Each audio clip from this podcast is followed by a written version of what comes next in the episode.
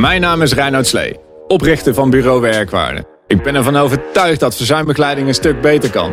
Waarom? Nou, verzuimbegeleiders moeten beter leren de juiste vragen te stellen. Het gaat namelijk niet om de processen, maar het gaat om de mens.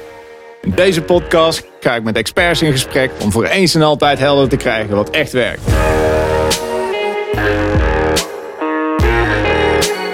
Dit is de Werkwaarde Podcast. Deze podcast is opgenomen in de Portretmakerstudio. Wij maken videoportretten door middel van diepte-interviews. Als nalatenschap als iemand komt te overlijden, een prachtige biografie of een uniek levensverhaal waarvan de familie wil dat opa of oma dit eindelijk eens echt vertelt. Daarnaast coachen wij onze klanten om hun eigen podcast te hosten vanuit de studio. Goed, welkom bij weer een nieuwe Werkwaarde podcast. Deze keer wel een hele speciale gast, uh, Theo van Neerven. Die zal zich zo direct heel eventjes uh, voorstellen.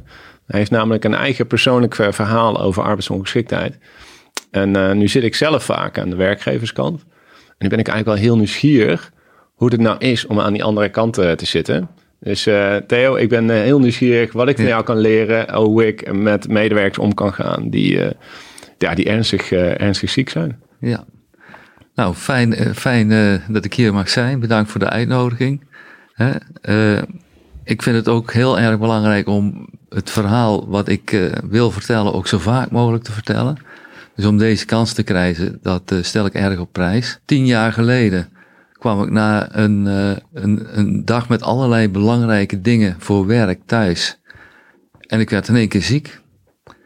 Ik kon niks meer. En ik heb daar liggen wachten ik ben letterlijk op de grond gevallen. Uh, tot het moment dat mijn lichaam weer een beetje actiever werd en ik dacht van wat, wat gebeurt hier en hoe moet ik hiermee omgaan? De dag daarna zat ik bij de neuroloog. Ja, in Nederland is dat geen goed teken als je in een dag bij een neuroloog zit. Want uh, een wachtlijst, dat uh, betekent dat het meevalt. Snelheid betekent dat het erg is. Ik ging naar binnen. de neuroloog die doet wat oefeningen. Doe eens zo, krijg je dan te horen. U heeft Parkinson. En daar zat ik. Ik wist niet wat ik moest doen. Er was niemand die me hielp. Ik had tien minuten bij eh, de neuroloog. Ik stond naar buiten en wat deed ik? Ik ging weer werken. Serieus? Diezelfde dag? Ja, want ik had eh, die middag nog, uh, nog een afspraak staan. En ik dacht, ja, die, kan, die, die is toch wel erg belangrijk. En die kan ik, uh, die kan ik niet laten gaan. Ik denk dat ik de absurditeit niet beter kan omschrijven dan met die laatste beslissing om weer gewoon te gaan werken. Want je hebt geen idee wat er vanaf dat moment op je afkomt. Uh, in je wereld en je omgeving en zo verandert er feitelijk niks. Hè? Niemand, er is eigenlijk niks gebeurd, maar alles is anders. Uh, je toekomstperspectief is anders. Uh, je zit in één keer met allerlei vragen. kan ik blijven werken? Ja, dat, zit, dat, gaat dan, dat was het eerste wat ik dacht. Maar ook, kan ik mijn hypotheek straks nog wel betalen? Uh, kan ik eh, de studie van mijn kinderen nog wel betalen? En al dat soort vragen, eh, die razen door je hoofd. Want, kan je eens vertellen uh, hoe jouw leven eruit zag? Wie, wie, was dat? Hoe was jouw leven tien jaar geleden? Nou, tien jaar geleden was ik uh, mede-eigenaar van DPO2, een bedrijf in personeelszaken dat ik ooit zelf uh, op heb gericht. Um, ik was dag en nacht aan het werken. Um, ik was vader van een, eh, een tweeling, ook redelijk uh, intensief uh, geweest. Mm want dat overkomt je dan ook Jonge bijna. vader? Uh, nou, ik was, um, ja, kijk, nou vraag je naar een jaartal. Ja. Jaartallen weet ik niet meer. Oké, okay, geen probleem. ze zijn nu 28 in ieder geval.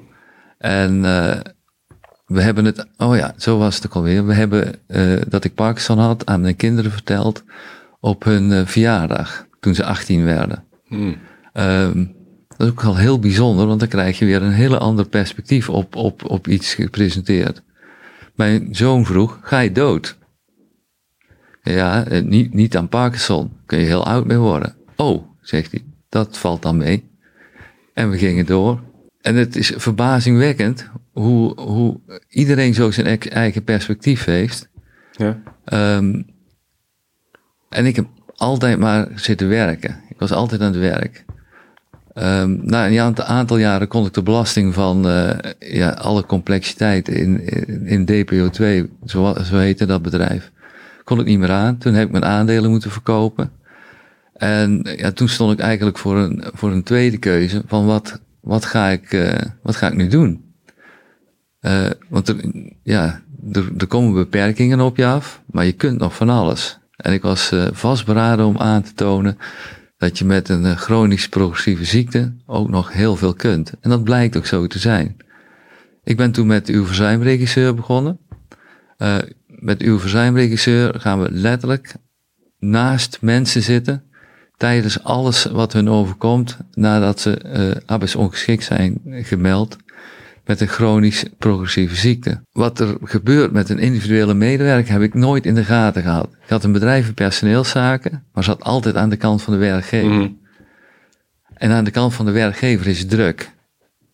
Daar zijn heel veel mensen die je helpen. Artsen, PNO'ers, eh, reïntegratiespecialisten. God weet wat je allemaal tegenkomt. Mm Maar als je daar als werknemer zit, dan ben je alleen. En dan is er eigenlijk niemand die je helpt. Er zijn wel mensen die je helpen, maar dat komt allemaal vanuit het perspectief vanuit de werkgever. En toen hebben wij gezegd, ik ga uw verzuimregisseur oprichten. En uw verzuimregisseur betekent echt uw regisseur van de, de medewerker. En wat is nou de toegevoegde waarde die wij hebben? Want het klinkt uh, absoluut helemaal niet, uh, niet bijzonder wat wij doen. Maar wij combineren eigenlijk drie dingen inhoudelijke deskundigheid. We weten gewoon waar het over gaat in de regelgeving mhm. en technisch. We treden op als vertrouwenspersoon. En dat de vertrouwenspersoonrol, die kleuren wij heel erg in vanuit het feit dat we ook lotgenoot zijn.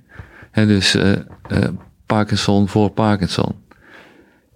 Heel veel mensen zie ik aan tafel komen in een kennismakingsgesprek bij ons in volledige ontkenning het feit dat ik dan kan zeggen van, luister, ik denk dat je je, dat je stoer zit te doen en dat het gewoon niet waar is wat je zegt. En ik denk dat ik dat weet omdat ik het zelf ook heb.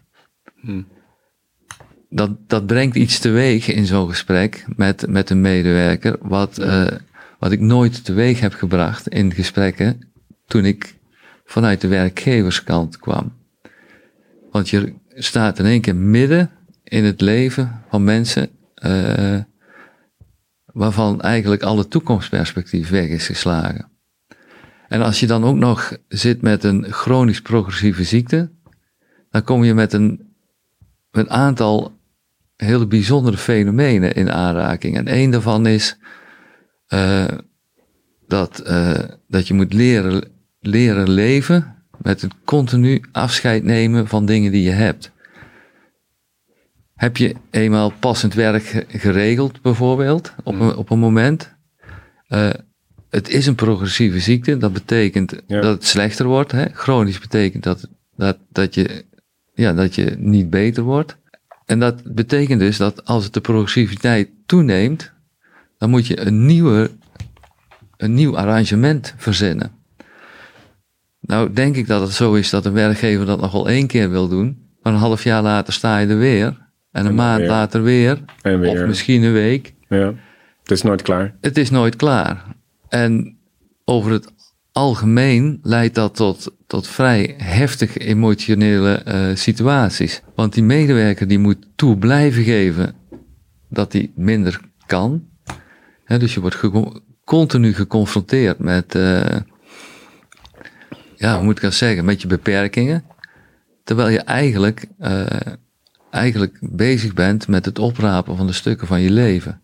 Heel vaak kom je dan terecht in reïntegratietrajecten die te maken hebben met reïntegreren in je werk.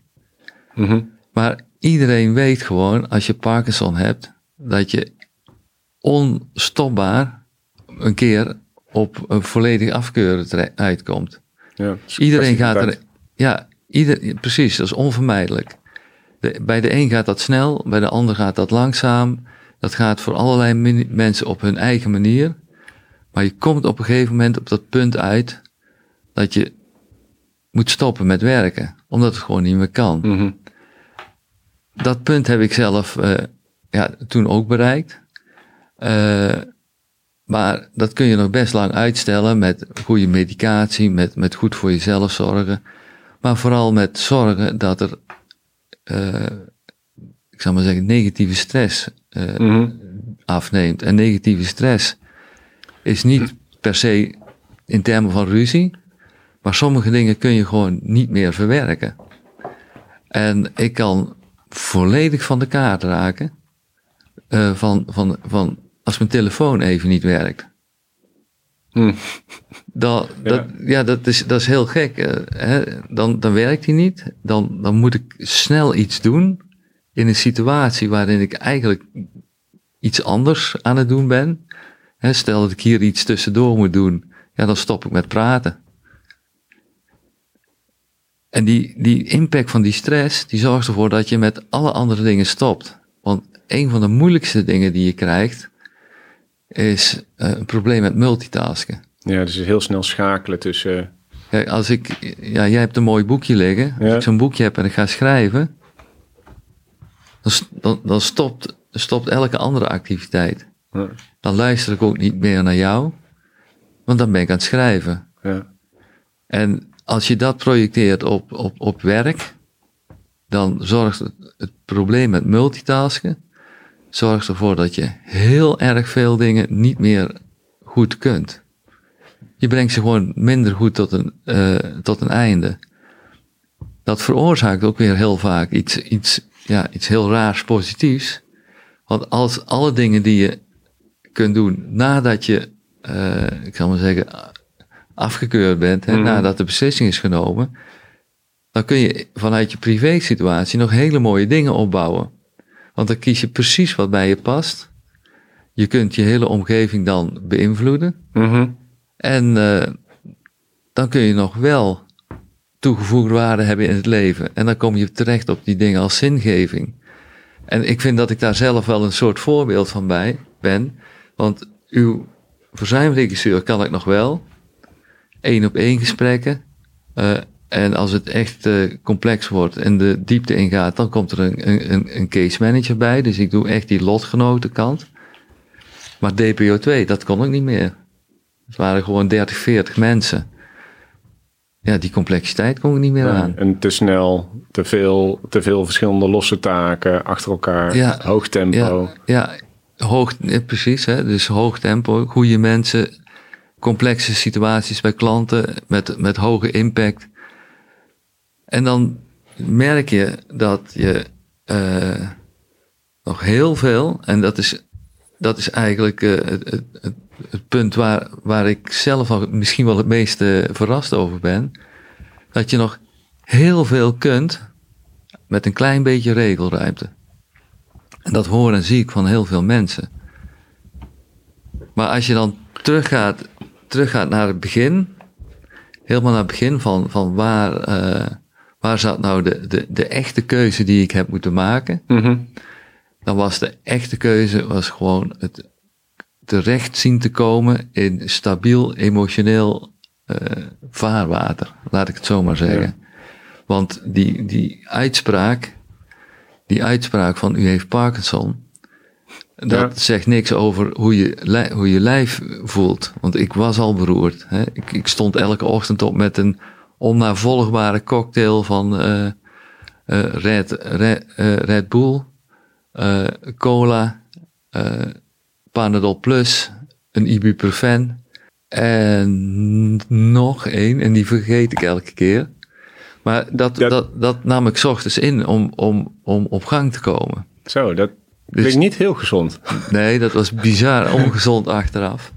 Maar dat laat wel zien dat dat er al lang wat was. De diagnose zegt niks over hoe je je voelt, want dat was al heel lang heel beroerd. Terwijl wat je heel vaak ziet, en dat, dat zien we echt heel vaak, is dat mensen houden zo, verbergen het zo lang. En dat is dan het proces wat je als werkgever niet ziet, of als, als case manager of, of arbo-regisseur in, in, in een bedrijf. Dan meldt iemand zich ziek. En dan denkt de werkgever dat het begint. Maar het is al lang begonnen. Maar eigenlijk is dat het eindpunt al bijna voor heel veel mensen. Die hebben zo lang tegen de bierkaai gevochten. Alles Eh, geprobeerd. Alles geprobeerd Ja. om, het, om, om ermee om te gaan, om maar niet van hun werk afscheid te hoeven nemen. Eh, en omdat dat werk zinvol is, belangrijk is, eh, al, alle, alle goede dingen erbij. Maar dat is een heel groot perceptieverschil tussen werkgevers en werknemers. Op het moment dat een werknemer met een diagnose bij zijn werkgever terechtkomt met de, ik heb Parkinson, die werknemer is daar al, al jaren voor aan het vechten. Ja. Die werkgever die hoort het misschien wel voor het eerst. En die hoort het voor het eerst en die denkt, oh, dan beginnen nu twee jaar eh, van, eh, hè, van loondoorbetaling en reïntegratie en zo. Maar ik zeg vaak van op het moment dat, dat mensen het toegeven en het daadwerkelijk gaan uiten, dan, dan is er al zoveel gebeurd bij die werknemer wat de werkgever niet weet, dat, eh, dat je eigenlijk bijna, eh, ja, bijna, bijna in een, een, een klein onderzoekje moet doen naar wat er het, voor, het voorgaande half jaar of jaar al, al is ingeleverd. En daar zie je dan een patroon. Daar zie je dan een patroon wat je als werkgever helpt om precies te herkennen wat je moet doen.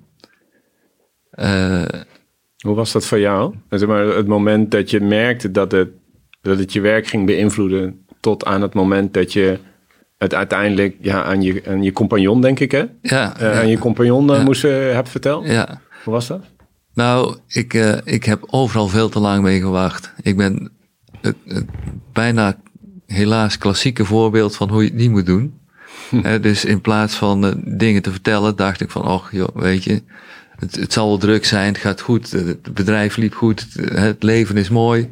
Alleen voel ik me erg beroerd en heb ik weinig energie.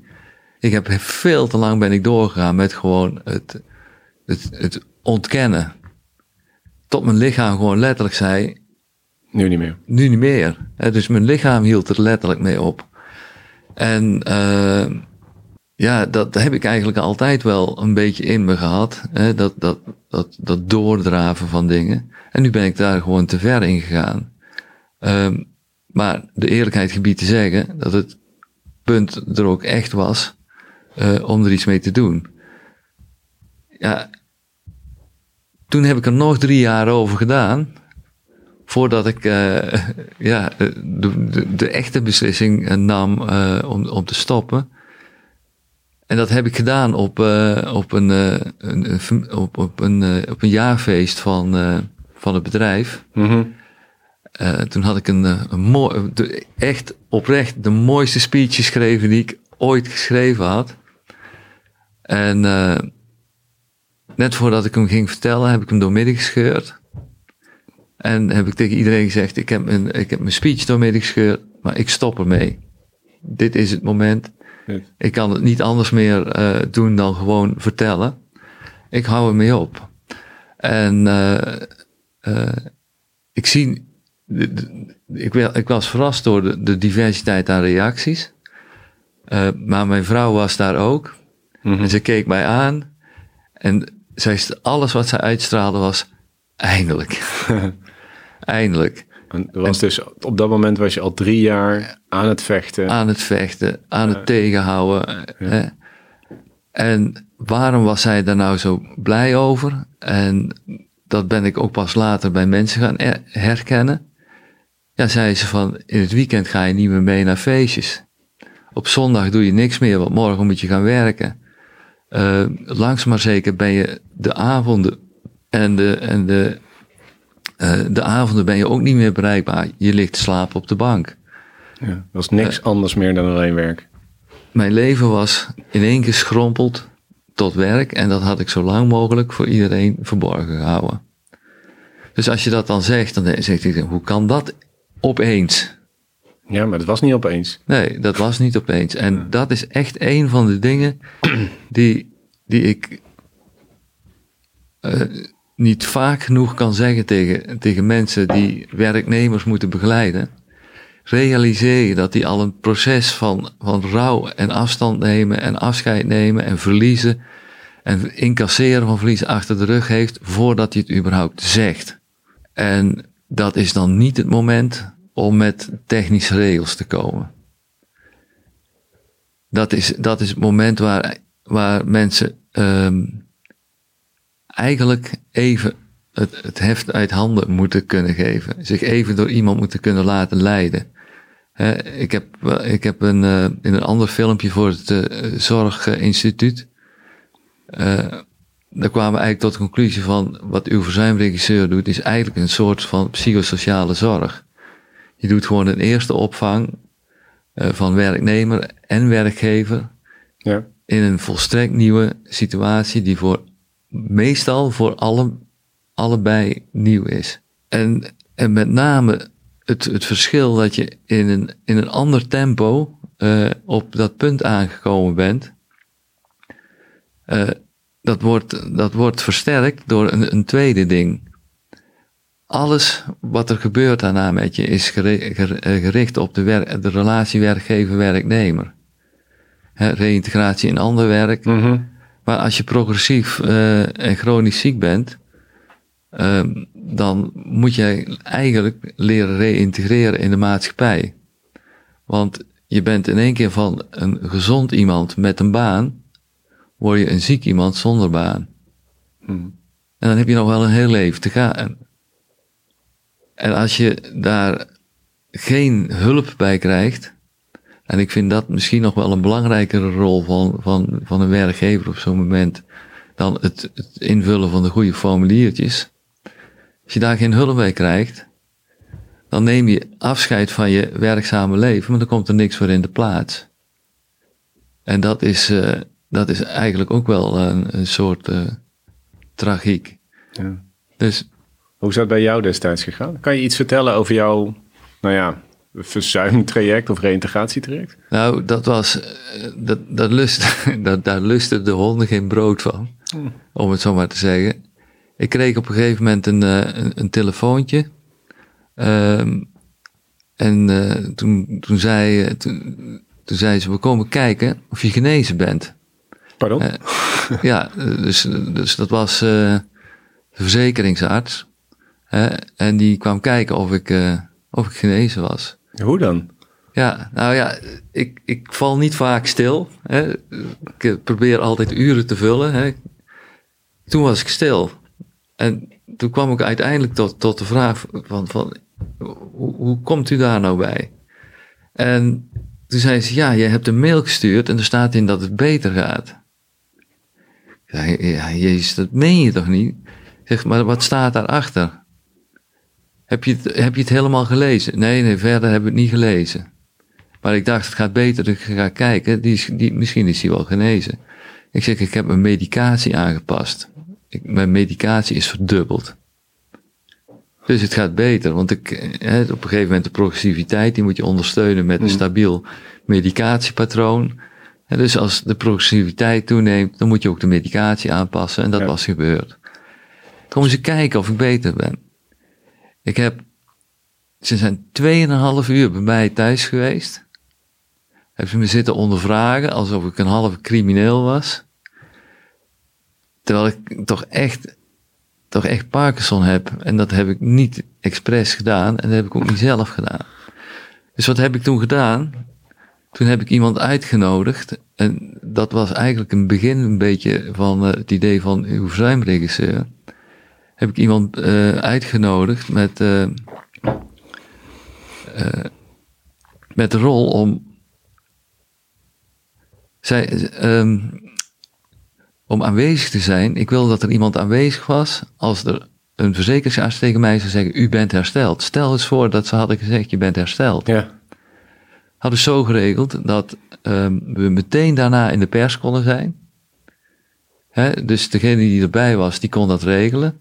Dus ik zeg tegen die uh, verzekeringsarts van, als je nu zegt dat ik hersteld ben, dan herhalen we het over een, een half uur op de radio.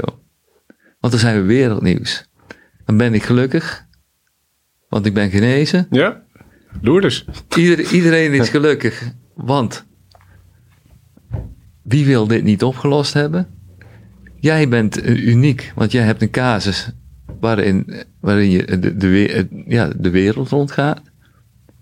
Of is het gewoon belachelijk dat je zegt dat ik chronisch progressief ziek ben en dat jij komt kijken of ik hersteld ben? Het is een van die twee.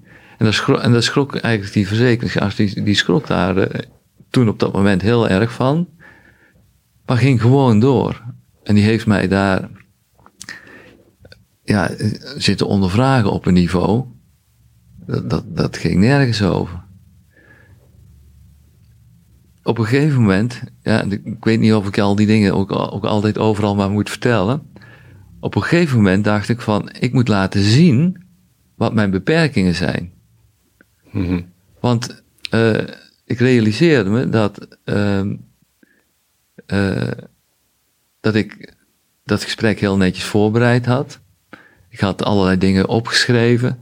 eh, volg, om, om de volgorde vast te houden, want dat is ook een van de dingen waar je moeite mee krijgt. Hè, eh, ook om te zorgen dat, eh, dat ik niet iets eh, verge- vergeet, want vaak begin ik met drie dingen, één, twee, En dan, en dan weet ik de derde niet meer. ja. Dus dat gesprek, dat ging eigenlijk super soepel. ja, Want uit mijn verleden wist ik al wat, wat er op tafel zou gaan komen. was goed voorbereid. Goed voorbereid. Ik had gezorgd dat ik goed gegeten had. Ik zat daar netjes. Alles. En ik liet eigenlijk de beste variant van mezelf zien. En toen dacht ik, dat is niet goed. En toen heb ik ook, ook gezegd van, ehm, ik ga nu gewoon doorpraten en koffie zetten. Dan zul je zien dat mijn verhaal in één keer niet, niet, niet coherent en, en niet co- consistent is. Die persoon is na 2,5 uur naar huis gegaan, of vertrokken. Toen heeft het acht weken geduurd voordat ik een reactie kreeg. Eh, Daarna heeft het nog maanden geduurd voordat ik überhaupt nog iets hoorde. En dat, dat stelde allemaal maar uit. En dat, daar, daar kwam niks van. Dus voor de volledigheid, dat was de verzekeringsarts van het UWV. Voor... Nee, nee, nee, oh, dat moet ik er wel bij zeggen. Het was, eh, ik was particulier als ondernemer, eh, ja. particulier verzekerd Een natuurlijk. ALV had je. ALV, Ja, nee, maar het proces wat je door moet is, is Enigszins vergelijkbaar. Ja. Nou, laat ik zo zeggen. Het, het regelgevingproces is niet, eh, is anders. Maar het proces wat ik als patiënt door moet, is volstrekt identiek. Je, je moet afscheid nemen, je moet wennen, eh, de belastbaarheid. eh, het, het, zijn, het zijn in de, voor, voor, voor mij, zou ik maar zeggen, is het volledig identiek. In de regelgeving zitten er soms wat andere dingen in. Ja. Maar het proces wat ik door moet, dat is exact hetzelfde. Toen realiseerde ik me pas hoe, hoe ongelooflijk vervelend dat moet zijn. Als je dus niet weet wat je gaat overkomen. Ik wist nog redelijk eh, wat me stond te wachten. Eh, dus dan kun je er nog mee omgaan. Mhm. Wat ik daarna overal eh, teru- terug, terug heb gezien is ehm, het moment dat je niet, dat, dat je het gevoel krijgt dat niet geloofd wordt wat je hebt. Mm. Dat is een vreselijk moment. Want je bent zelf onderweg in dat proces en dan loop je tegen regelgeving aan en dan wordt, ja, dan, wordt, dan komt er iemand kijken om te beoordelen of je, ja, laat ik zo zeggen, of je niet liegt. Ja, zo, zo voelt dat. Ja. Zo, zo voelt dat, hè? En, en dat, is, dat heeft zo'n enorme impact. Als je niet weet wat er op je afkomt, dan worden mensen heel bang van. En dan doen ze de gekste dingen. We hebben iemand gehad die, ehm, die op een gegeven moment op, op een formulier in had gevuld van... Ik wil reïntegreren in mijn eigen werk. En die had Parkinson. En toen vroegen wij, waarom heb je dat opgeschreven? Dus ja, de andere opties waren niet van toepassing. En ik dacht, ik moet iets invullen. Mm. Dus ik vul Vul dit maar in. dit maar in, de onderste. En die leek het minst erg. De impact die het heeft op hoe je je voelt, ja, die snap ik eigenlijk pas sinds ik zelf eh, Parkinson heb. Wat ik ook heel vaak dan ook doe als ik naar werk, als ik bij uw verzu- verzuimregisseur een klant krijg, dan starten we ook altijd met een, eh, ik noem dat maar, een- een strategiegesprekje. De werknemer bij elkaar, de, met de werkgever en iemand van ons. En dan gaan we eerst uitleggen aan de werkgever hoe de dag er werkelijk uitziet van iemand. Ja. Hoe, hoe de avonden eruit zien. wat je allemaal moet doen om, uh, om te compenseren. Hoe ongelooflijk veel compensatieactiviteiten mensen al vaak om zich heen hebben gebouwd. En dat had ik ook gedaan. Al die, die kopingsactiviteiten, die vallen, dan in één keer, die vallen dan in één keer op. Dat ziet de werkgever niet, hè? Nee, dat zie je niet. Dat ziet het UV ook niet altijd. Nee, nee. Of de AOV in ieder geval. En ik zag, dat, ik zag dat dus ook nooit. Tot ik het zelf ervaren. En nu zie ik het overal gebeuren. En je, je hebt een paar, aan een paar woorden hoor je het vaak al. Slapen. Wanneer, wanneer ga je slapen? Mhm. Om half acht op de bank. ja. Ga, ga je, doe je nog iets in je weekend? Ga je nog naar verenigingen? Sport je nog? Ga je nog wel eens mee naar een ouderavond van je kinderen? dat soort dingen. En daar krijg je dan allemaal nee op. Dat doe ik niet meer, dat doe ik niet meer, dat doe ik niet meer. Ga je nog naar de diploma-uitreiking van, uh, van je kinderen op school? Dus dan krijg je op allemaal dat soort eenvoudige levensonderwerpjes, zou maar zeggen, die wel heel erg belangrijk zijn voor, voor, ja, voor, voor, voor je gezin, et cetera, krijg je het antwoord, nee, die doe ik niet meer.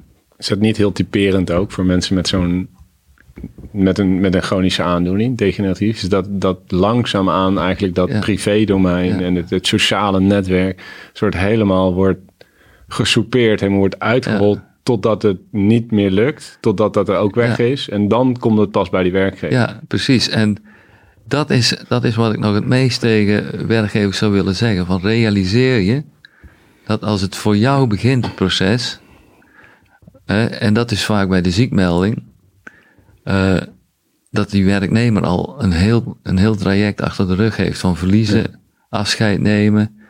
En dat hij nou begint met het afscheid nemen van ja, misschien wel het belangrijkste onderdeel, zijn werk. Ja. Wat ook ja, vaak toch ook weer een heel groot onderdeel is van de identiteit die je hebt. En daar moet je dan in één keer afscheid van nemen. Ja, dus voor de werkgever is het het begin. En voor de werknemer is het het begin van het einde. Ja, ja. Nou ja, eh, weet je, de, um, Mark Rutte die zei toen in die coronacrisis ergens van dit is het einde van het begin. Uh, hè, van we zijn er nog lang niet. En ja, iets dergelijks, maar dan net andersom geldt hier ook. Dit is het begin van het einde, maar dat duurt nog wel even. Mm Ik heb, ik heb laatst zelfs een, een, een, een klanttevredenheid laten doen, want ik was ook wel heel erg benieuwd. Want we, kwamen in de buurt van 100 mensen die we geholpen hebben. Ik was wel heel benieuwd hoe ze nou tegen ons aankeken. En we kregen eigenlijk uh, twee dingen terug. Hoe, hoe hadden we jullie eerder kunnen vinden? Maar het tweede was ook van, iedereen zei we bevelen jullie bij anderen aan. er was uh, niemand die zei van, um, ik had het beter zonder jullie kunnen doen. En dat is niet om ons op de borst te kloppen, maar het is om nogmaals aan te geven dat niemand dit alleen kan. Iedereen, iedereen heeft daar hulp bij nodig. En waar de werkgever uh, ja, toch, toch een heleboel uh, hulptroepen klaar heeft staan. Mm, staat de werknemer alleen? Staat de werknemer alleen. En als je geluk hebt, dan heb je een beide handen partner die meekomt en, en heel goed kan luisteren en, en daar nog wat, wat in kan uh, interveneren. Maar in principe sta je alleen. En dan ben je bezig met uh, ja, het onstopbare proces van elke keer weer opnieuw toe moeten geven. Hè? Een, eh, een, vriend van mij die noemde dat laatste leren leven met levend verlies. En dus je blijft maar verliezen. Elke keer weer. En dat moet je steeds weer accepteren. En dat op het moment dat je ja, een van de moeilijkste dingen aan het doen bent waar je mee bezig bent. En dat is uh, stoppen met uh, datgene wat uh, ja, jarenlang, ik maar zeggen, de je identiteit was. Je identiteit ja. was. En bij mij was dat ook onder andere heel erg om, ja, omdat het ook nog het bedrijf was wat ik zelf gestart was. Dus dat was ook een beetje nog mijn kindje, waar ik afscheid van moest nemen. Ja, dat maakt het niet makkelijker, nee. Nee. Maar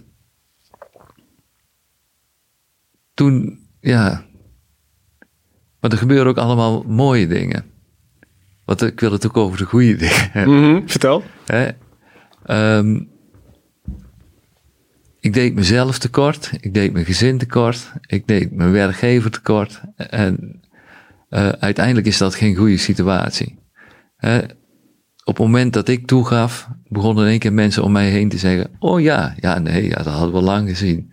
Ja, oh, daar hielden we al rekening mee. Mhm. Oh, dit, we hebben toen en toen dat al voor, om, om je heen geregeld. En toen kwam ik, toen, realiseer, toen realiseerde ik me iets. Um, wat, is nou het, wat is nou eigenlijk het allerergste wat mij had kunnen overkomen? En dat, dat, dat bedacht ik pas toen ik daadwerkelijk gestopt was. En toen kwam ik tot de conclusie dat dat was om getolereerd te worden. Hm.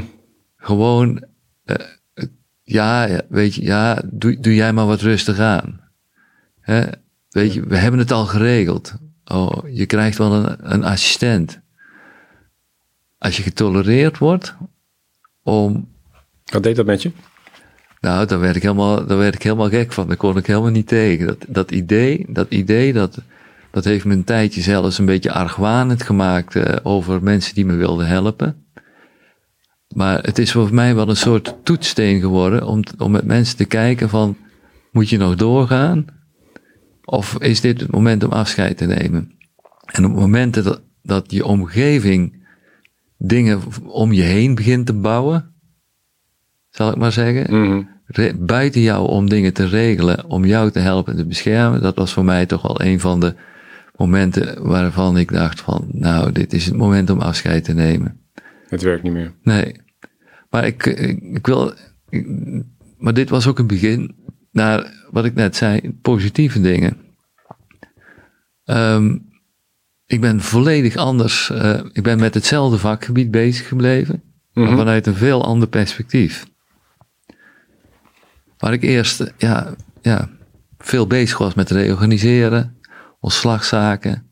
Dat, dat waren ver- veranderprojecten, bedrijven. Ja, dat, dat waren de dingen waar ik veel al eh, aan, werkte als ik inhoudelijke projecten deed. Mensen ontslaan. Allemaal, allemaal toch wel vrij eh, zakelijke, eh, Mhm. redelijk van emotie ontdane eh, activiteiten die je gewoon eh, doet. En waarbij de mensen soms ja, toch wel een anoniem blok worden, van dat je hè, Nummer. een nummer worden. Ik kom nu eh, in aanraking met eh, ja, de, echte, de echte dingen van het leven, met echte mensen. En daar ontmoet ik eh, heel veel fijne, goede mensen die je kan helpen. En dat doet me deugd. Ja, is zingeving. Ja, dus ik heb een, een nieuw soort zingeving in mijn leven gekregen. Natuurlijk had ik liever geen Parkinson willen hebben. Hè. Als ik er vanaf kon morgen, dan, dan, dan graag. Maar ik heb, ik heb op een hele andere manier voldoening van mijn werk en mijn leven. En je kunt nooit zeggen, was het daarvoor beter dan erna? Die vergelijking die kun je niet maken. Dat is onrealistisch en dat, dat moet je jezelf ook niet aandoen. Maar mijn leven nu is ook heel goed. Ik heb het gewoon goed. Hm, fijn. En ehm, dat wens ik ook anderen toe. En eh, ja, regelmatig doen we ook bijvoorbeeld gratis, eh, gratis trajecten. En mensen die, die echt gewoon geen geld hebben, eh, werkgevers die dan werken, weigeren om bij te dragen aan kosten, die gewoon niet doen. Ja, dan, dan eh, doen we dat ook maar. En het zien van de impact die je kunt hebben op het leven van, van iemand anders, eh, met een relatief minimale inspanning. Ja. Met Dat- heel weinig, Ja, heel veel iemand heel. Ja, eh, creëer je eigenlijk heel erg veel eh, eigenwaarde. En daarom, eh, ja, daarom zit ik nog steeds heel, heel positief in het leven. Heb je ehm, een, een tip voor, voor werkgevers die misschien een werknemer herkennen in, jouw in jouw verhaal? Ja. Ehm, Wat, zou je die werkgevers adviseren? Ik zou eh, werkgevers adviseren om niet meteen met de regelgeving te beginnen. Maar eerst een klein, een klein stukje psychosociale zorg. Hè? Uh, in die zin van het belangrijkste wat je overkomt is niet dat je uh, een arbeidsrelatie verliest, maar dat je je toekomstperspectief uh, moet gaan veranderen. Omdat je geen werk meer hebt, omdat het financiële consequenties heeft. En als jij met iemand gaat praten over de impact op, uh, op hoe de toekomst eruit moet zien, dan begin je met andere onderwerpen dan, dan je afvragen of, of je FML goed in is gevuld of zo.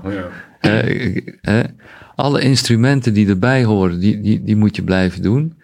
En ik, uh, nogmaals, ik, ik praat hier over chronisch progressief. Maar eerst erkennen dat daar een mens voor je zit. Mm, met zorgen. Die met zorgen zit over de toekomst.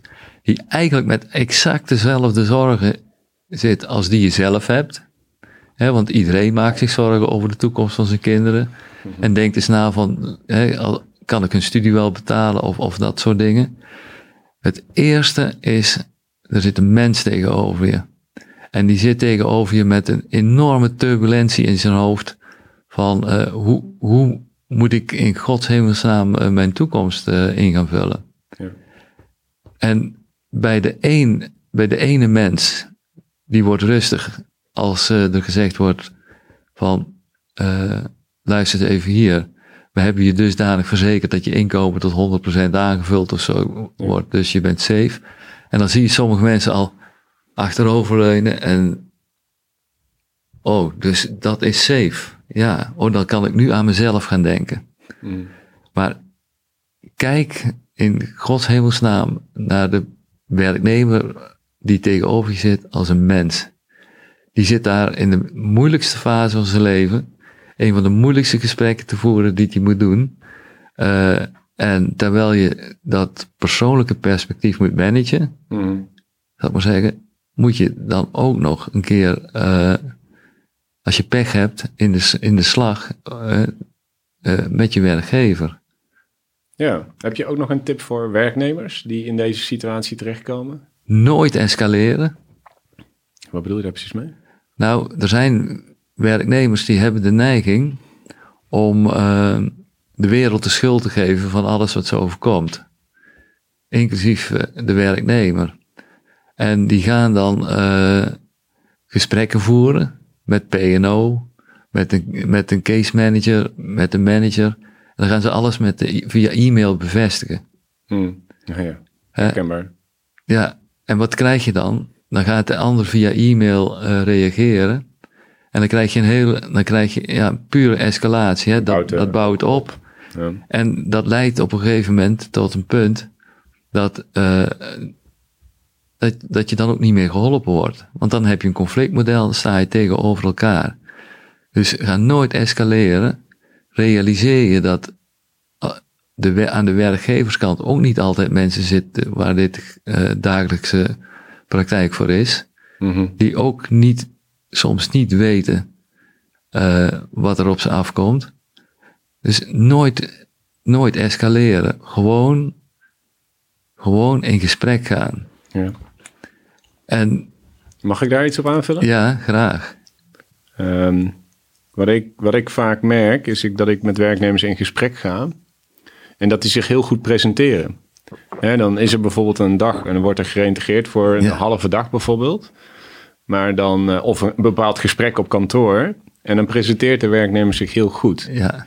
Maar, en als je daar dan op, op vraagt, hè, dan, dan, dan, lijkt het bijna vanzelf te gaan. Dat is een beetje het, het gesprek wat jij met die, uh, met die verzekeringsarts ook illustreerde. Ja.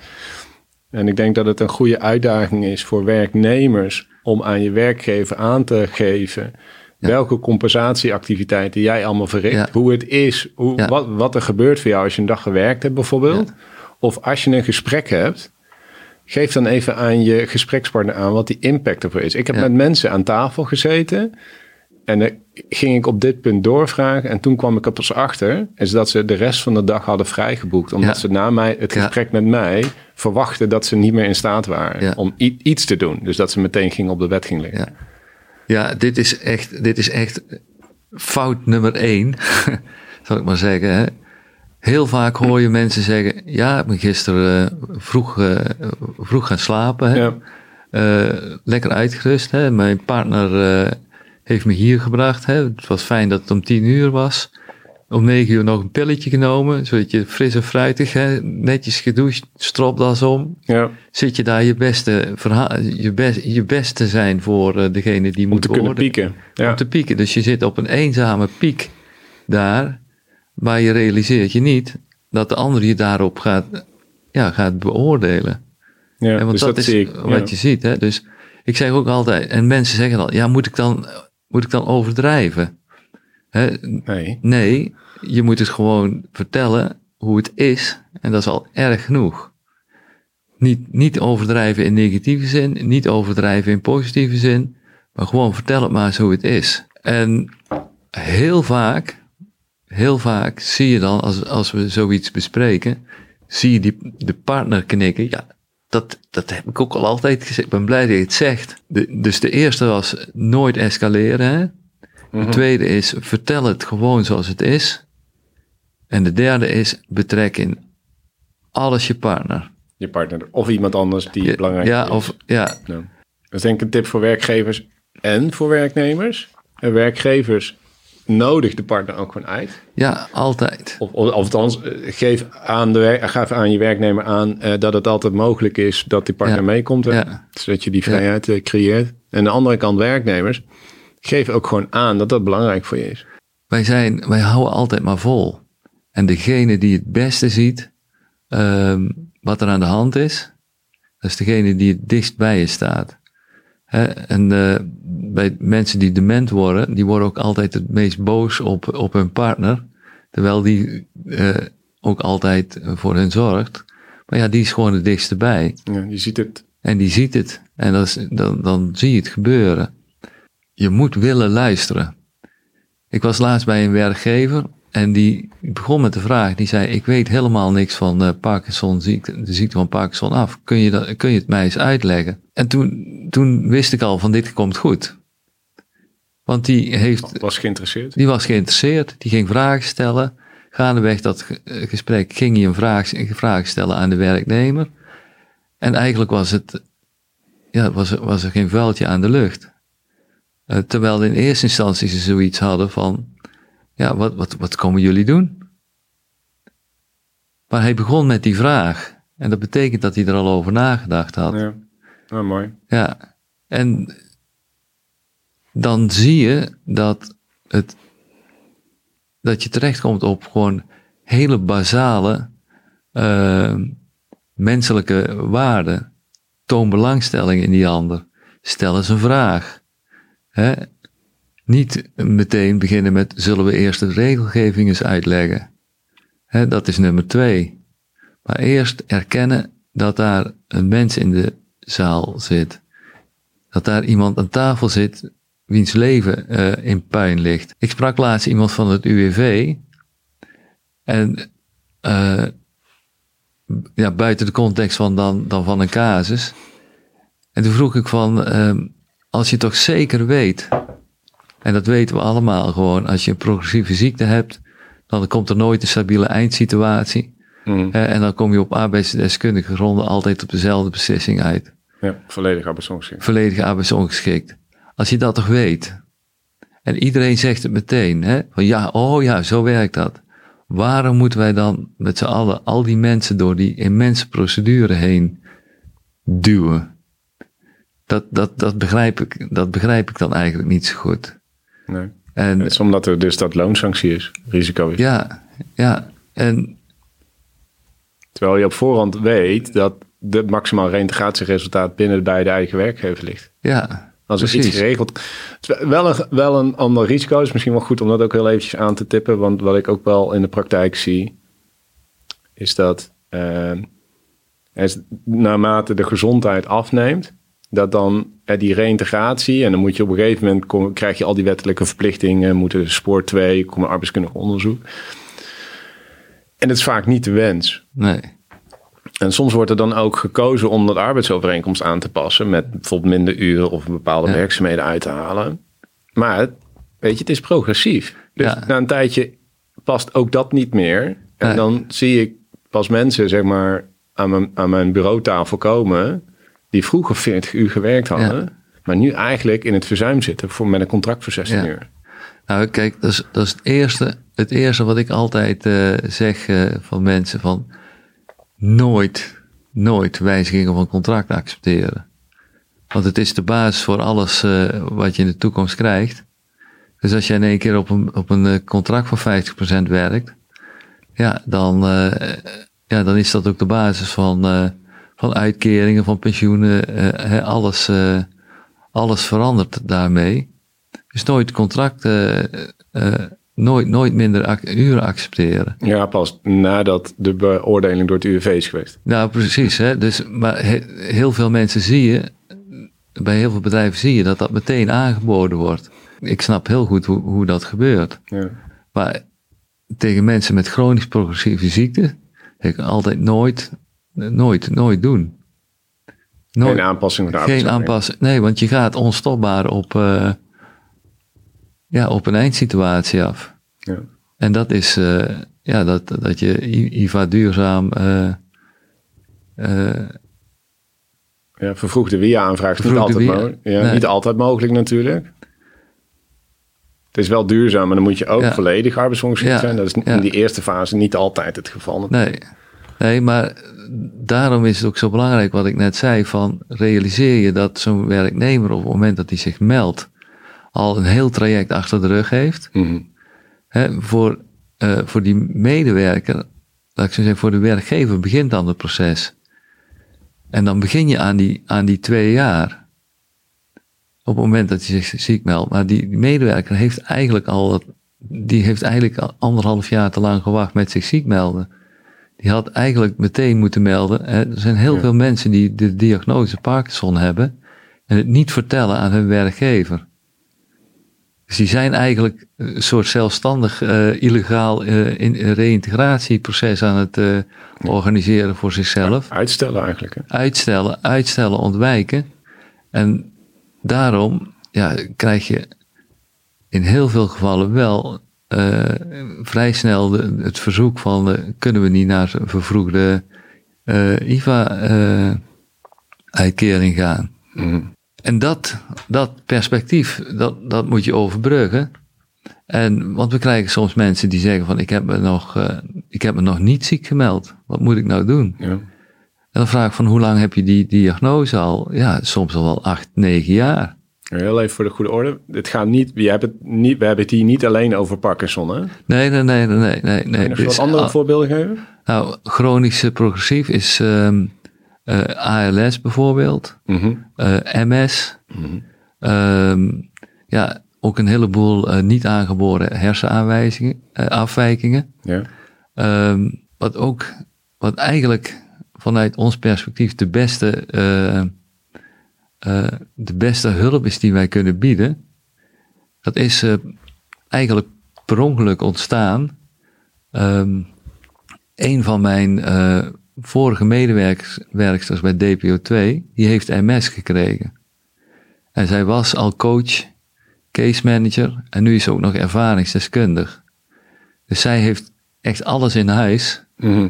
om iemand te kunnen helpen. En je ziet dan ook dat als zij met, ehm, met, met klanten aan de gang gaat, dat gaat ook, ook soepel, razendsnel, omdat ze inhoudsdeskundig is, ja. lotgenoot is. Dus zij heeft alle, alle voordelen die je als, eh, als eh, vanuit de positie van uw verzuimregisseur kunt hebben voor werkgever en werknemer. Ze heeft ook nog aan de werkgeverskant gewerkt, heeft zij. En dan zie je dat het proces in één keer heel, eigenlijk heel makkelijk wordt. Maar wel menselijk. Maar we, en, en heel menselijk. Ja. Makkelijk en menselijk. Ja. Ja. niet of-of. Nee. Huh. Nee, nooit. Wat zou je graag willen achterlaten met uh, uw gezangregisseur? Ik zou het besef achter willen laten dat uh, het klinkt uh, tegenwoordig in alle, in alle aspecten van onze samenleving door. Ik durf het bijna niet te zeggen, maar de menselijke maat, die, die moet terug.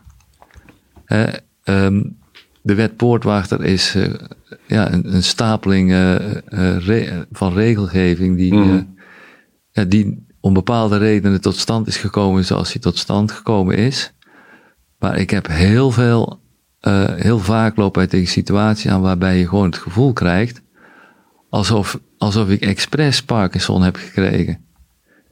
dit zijn mensen met een aandoening en dat doen ze niet en die, hebben ze, die, wil, die willen ze ook niet. dus de menselijke, dit gaat over mensen. Het gaat niet over procedures. Hier zitten mensen met families, met toekomstperspectieven die in, in, in, in elkaar gestort zijn. En die het ook weer oppakken en er weer iets nieuws en iets moois van gaan maken. En dat besef, dat het ja, om mensen gaat, ja, dat, vind ik het alle, dat vind ik het allerbelangrijkste. Het voor anderen doen zoals je het zelf ook graag zou willen hebben gehad. Ja, ja en, ik, en ik ben dan in de bevoorrechte positie, vind ik zelf. Dat ik een arbeidsverleden, een opleiding, et cetera heb, dat ik dat ook kan doen. En dan wil ik die mensen ook graag helpen. En je krijgt er ook uh, weer van alles uh, voor terug. Want die mensen helpen ook, mij ook weer. Want omdat ik hun, uh, als ik zie dat het goed met hun gaat en dat de beslissing goed is, mm. heeft dat natuurlijk ook positieve impact op mijzelf. Ja. Op mijn gevoel voor eigenwaarde en de manier waarop ik in het leven sta. Maar vooral, het zijn mensen houd er rekening mee dat ze dus alles doen wat mensen verkeerd doen. Dus ze doen, zich beter voor. um, ze proberen hun best te doen. Soms worden ze boos. en zeggen ze rare dingen. Neem ze dat niet meteen kwalijk. Want je beseft pas in wat voor uh, transitieproces zo iemand zit. Wat het echt is, snap je pas als je het zelf ervaren hebt vind, vind ik tenminste, nu, nu dat ik ook aan deze kant zit. Ja. Had je me dat tien jaar geleden gevraagd, dan had ik gezegd, nou, is niet nodig, joh, dat, lossen we zo wel op. de regels zijn toch duidelijk? Nou, hoe moeilijk kan het zijn, zou ik toen gezegd hebben. Ja, daar sta je nu wel anders in. En nu sta ik daar volledig anders in. Wat een mooi verhaal, eh, Theo. Steeds meer mensen uh, die gingen vragen, wat nu? Afgekeurd, afscheid genomen van werk. Um, ons antwoord daarop is geweest: uh, er zijn, het gaat niet om uh, uh, werkreïntegratie. Hè? Want eh, ja, het progressieve karakter eindigt dan toch vaak met afscheid nemen van je werk. Maar eigenlijk gaat het om reïntegratie in, in de maatschappij opnieuw. Mm -hmm. En daar zijn twee dingen heel belangrijk bij. Eén is grip krijgen op je, op je weekritme. Gewoon, waarom sta ik op maandagochtend op, uit, mijn bed op? Waarom op dinsdag? Waarom op woensdag? Daar helpen we mensen bij met een heel eenvoudig uh, toeltje. Um, maken we gewoon een, een jaaragenda. Waar, ze, waar je ook in moet plannen dat je uh, ook persoonlijke dingen moet doen. Mm -hmm. uh, en dat is een opstapje naar het, het helpen met mensen om deel te nemen aan vitaliteitsprogramma's. Uh, en waarom? Als je niks stilstand is bij een progressie, stilstand in, in bewegen, et cetera. Ja. Dat voedt vaak, zie ik wel, uh, ja, de, de, de negatieve kant van je gezondheid. En het geeft je lotgenoten, het geeft je mensen om mee te trainen. Dus mijn tweede, mijn eerste boodschap is van organiseer je agenda volgens uh, je eigen de, de dingen die je zelf belangrijk vindt. En de tweede is, zorg dat je sporten, bewegen. sporten, bewegen, dagindeling. Ongelooflijk belangrijk, want anders zit je thuis achter de geraniums en daar heb je niks te zoeken. Heb je een zieke werknemer, dan uh, kan je contact uh, opnemen met Theo. Uh, ik zal zorgen dat jouw contactgegevens in de beschrijving ja. komen. heb je een chronisch progressieve zieke werknemer. Ja, dankjewel. Sorry, Ja, sorry. nee, ja, nee, helemaal waar. Dankjewel voor de aanvulling ja, daarvoor. want voor alle, dat is een beetje royaal. Dan, eh, dan rond ik hem hierbij af. Ja, Dankjewel, eh Theo. graag gedaan. Bedankt voor het luisteren naar de podcast. Wil je meer weten over een effectieve verzuimaanpak? Download dan mijn e-book over de 7 oorzaken van te hoog verzuim op werkwaarde.nl. Deze podcast werd opgenomen in de Portretmakerstudio. Wij maken videoportretten door middel van diepte-interviews. Als nalatenschap als iemand komt te overlijden, een prachtige biografie of een uniek levensverhaal waarvan de familie wil dat opa of oma dit eindelijk eens echt vertelt. Daarnaast coachen wij onze klanten om hun eigen podcast te hosten vanuit de studio.